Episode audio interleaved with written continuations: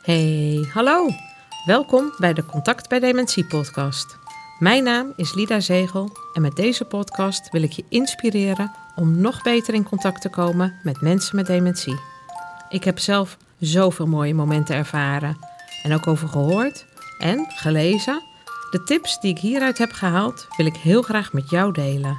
Zo hoop ik ook jou te inspireren en uit te dagen om op een andere manier naar contact maken te kijken. En misschien ook te gaan doen.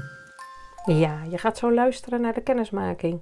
Al ruim een half jaar geleden opgenomen. En eindelijk, na heel veel zweten, zwoegen, zoeken en uitzoeken, is het dan eindelijk zover. Kan die gekoppeld gaan worden. En geplaatst gaan worden, zodat jij hem nu kan horen. 17 minuten ongeveer over een kennismaking wie ik ben. Neem me niet kwalijk als er vaker een e in zit. Dat gaat nog allemaal beter worden.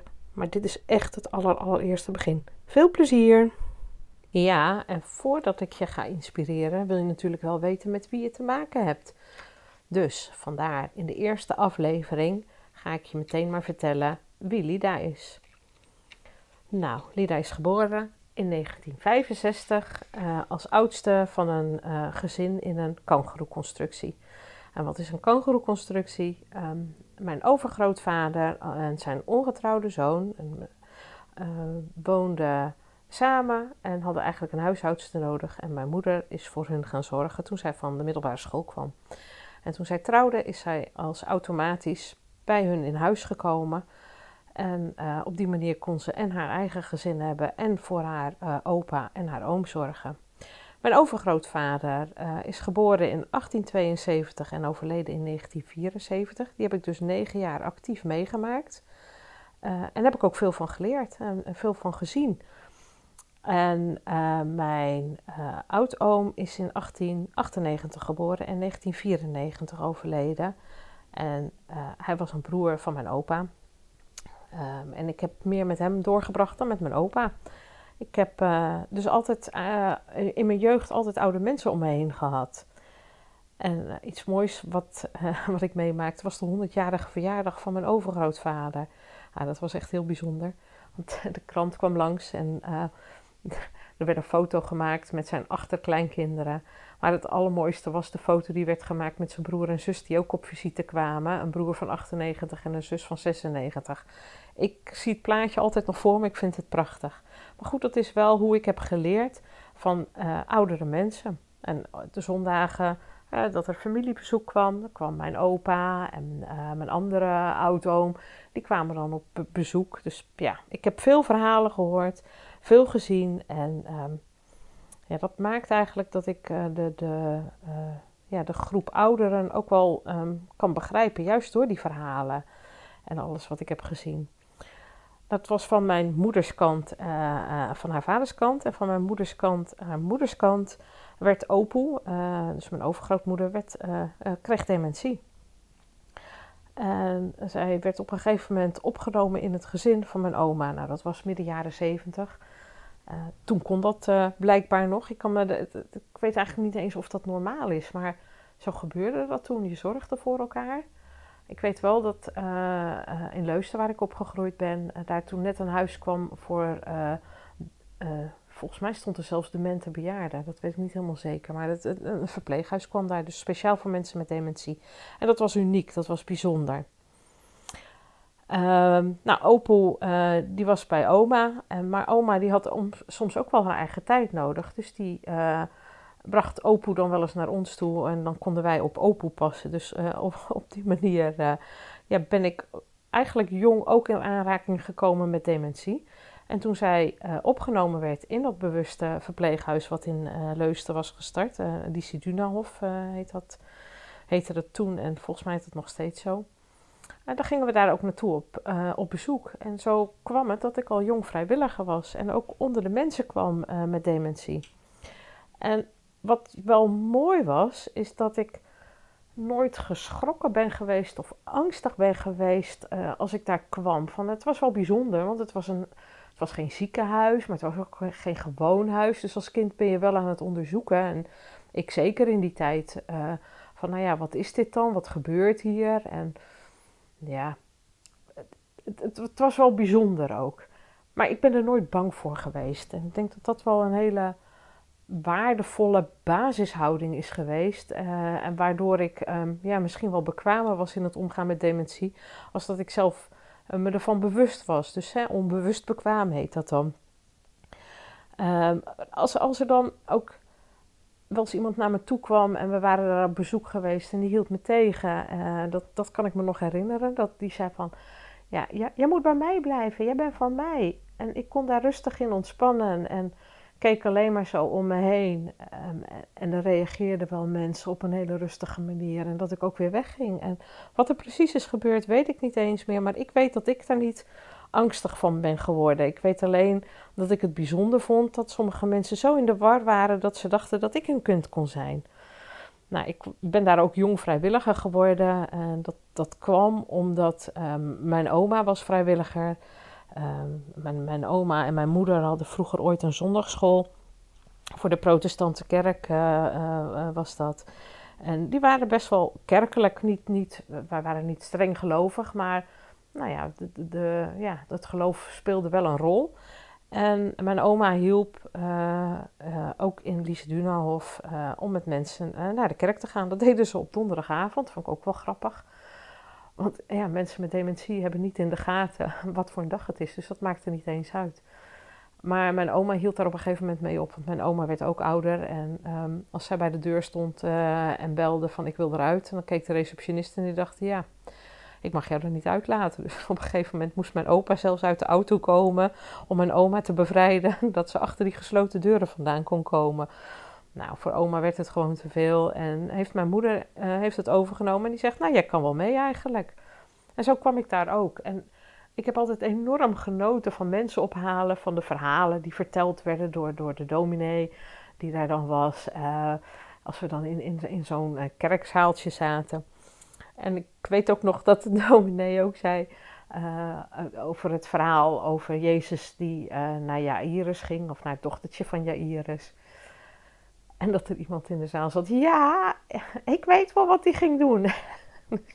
en die dominee die reageerde daar ook heel, ja, heel prettig op. Ja, gewoon meegaan eigenlijk in de, in de, in de beleefwereld, zo, hè, zou ik dat nu vertalen.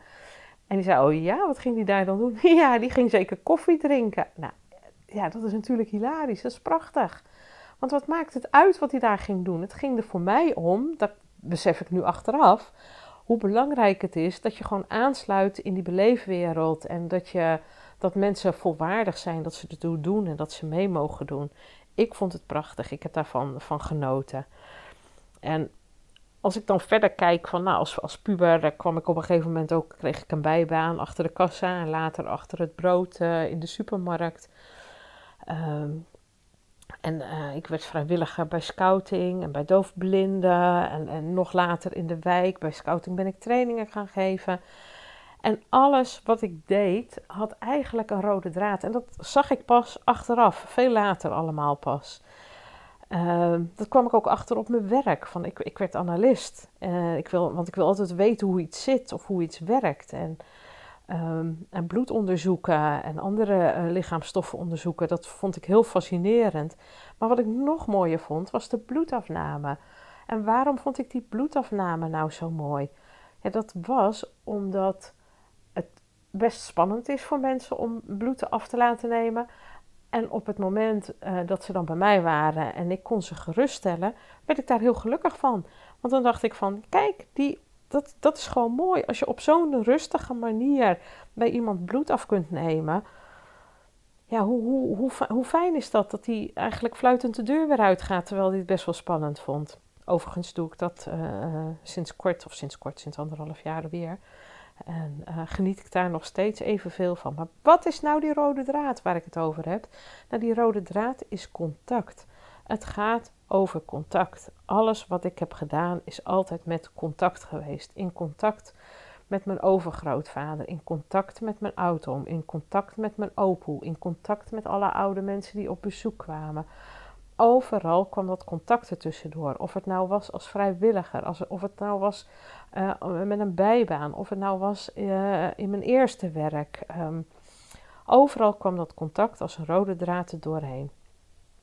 Ik kreeg kinderen uh, op een gegeven moment, uh, begin jaren negentig. En uh, ben toen even thuis gebleven. om voor die kinderen te zorgen, met heel veel plezier overigens. maar het blijft wel iets trekken van, um, ik deed zoveel vrijwilligerswerk en ik wilde eigenlijk wel meer. Ja, op, op de een of andere manier is het ook wel mooi als je daar inkomsten uithaalt. Als, alsof het ook meer uh, ja, gewaardeerd wordt. Het klinkt heel vreemd, maar ja, het, het, volgens mij speelde dat wel een rol ook. En ik werd activiteitenbegeleider. Ik heb uh, mijn SPW-opleiding gedaan. En uh, ik kwam, uh, dat ben ik gaan doen omdat ik in het verpleeghuis tegenover de school van de kinderen zag dat er een vacature was. En ik vroeg me af van, nou ja, uh, activiteitenbegeleider, hartstikke leuk. Lijkt me echt heel erg leuk om te doen. Ik ben heel creatief. Ik vind het leuk om met mensen te werken. Maar word ik wel aangenomen dan? En ik werd gewoon aangenomen.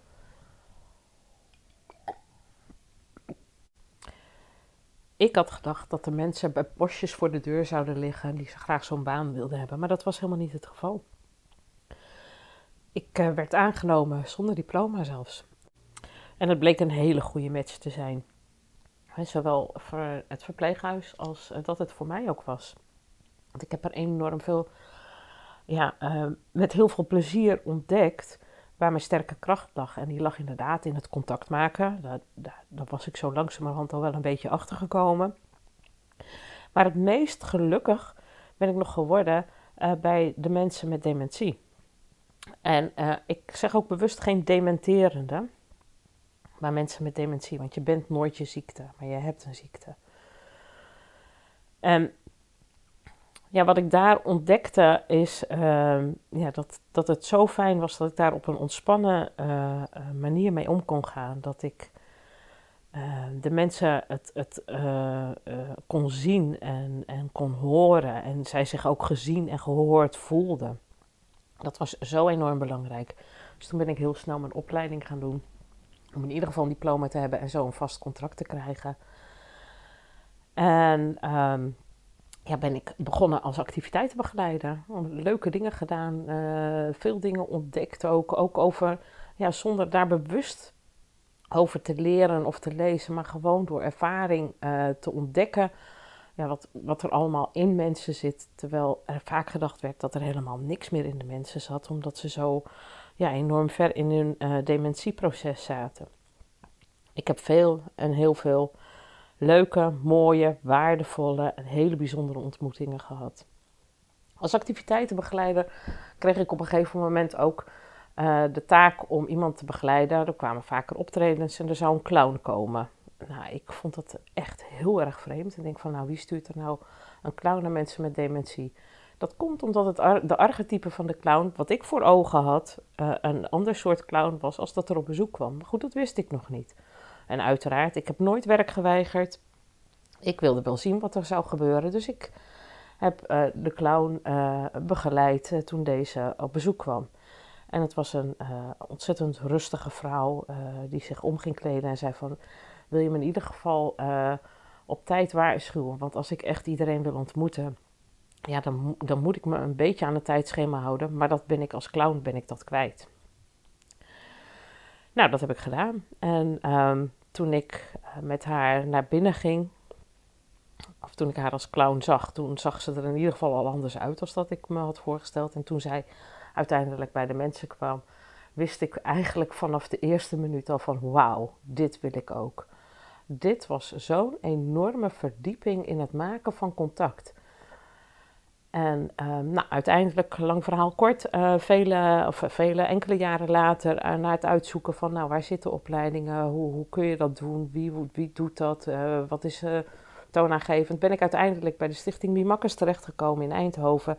En heb daar in 2008 uiteindelijk mijn opleiding tot Mimakker gedaan. toen heette het nog Clown voor Dementerende, maar tegenwoordig heet het Mimakker. Um, over de Mimakker zal ik heel graag ook nog een keer uh, wat zeggen. Dus dat komt waarschijnlijk in een van de eerstvolgende podcasts ook al aan bod.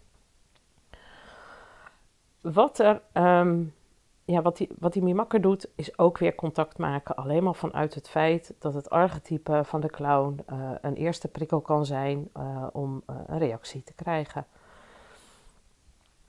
Het meest verdrietige van mijn werk, want het, was, het klinkt als één groot mooi succesverhaal, uh, maar het meest verdrietige was uh, eind 2014, toen er grote tekorten in de zorg waren.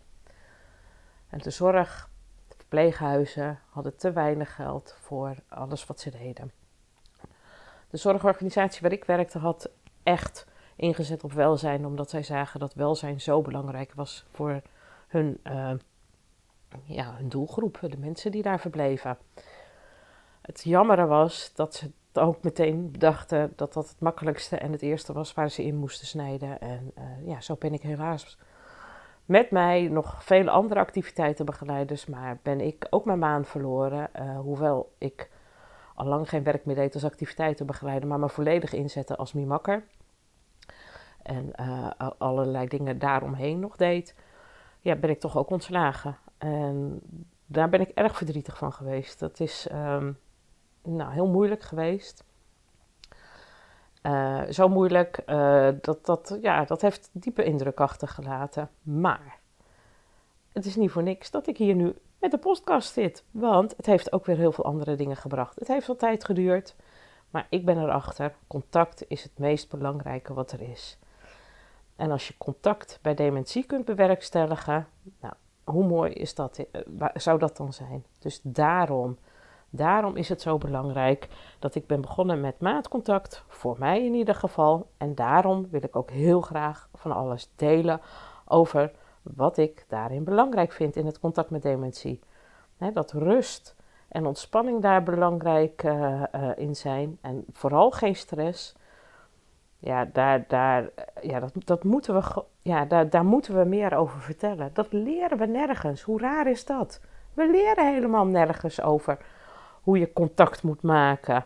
Ja, dat moeten we maar gewoon doen. En dat hoor je dan hè, als je jong bent van nou geef maar een handje of doe maar dit of doe maar dat. Maar we leren eigenlijk nergens hoe we contact moeten maken. En als je dat nergens leert, hoe, hoe, hoe kan je dat dan wel doen? Nou, daarom ook is deze podcast. Daarom wil ik beginnen met deze podcast uh, reeks. En nou ja, je zult, het, je zult straks ook nog horen in, in, uh, in de outro, in de afkondiging van ik wil helpen bij het vinden in contact. Uh, dat is de rode draad. Ik uh, nou, wil daar zoveel mogelijk met jullie over gaan delen. Je kunt me volgen op Instagram. Ondertussen zit ik ook op Clubhouse. Waar ik iedere woensdag om 4 uur een room host over contact met dementie. Kom gerust langs. zoek me op op, op Instagram, op Facebook. en stel je vragen, want ik wil heel graag helpen. Dus als ik je kan helpen nou, dan bij deze. Wat fijn dat je luisterde naar deze podcast. Super bedankt daarvoor, want samen maken we de kloof naar mensen met dementie minder groot. Abonneer je op deze podcast als je automatisch een bericht wilt ontvangen als er weer een nieuwe online is. Zo krijg je ook alle afleveringen onder elkaar te zien.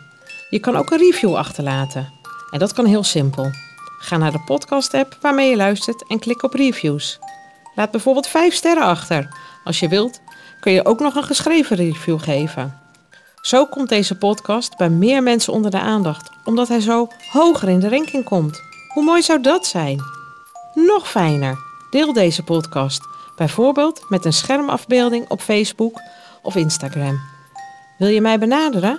Dat kan op mijn Facebookpagina Maatcontact, Instagram Maatcontact of mail me op lida.maatcontact.nl. Nogmaals, super bedankt voor het luisteren en heel graag tot de volgende keer.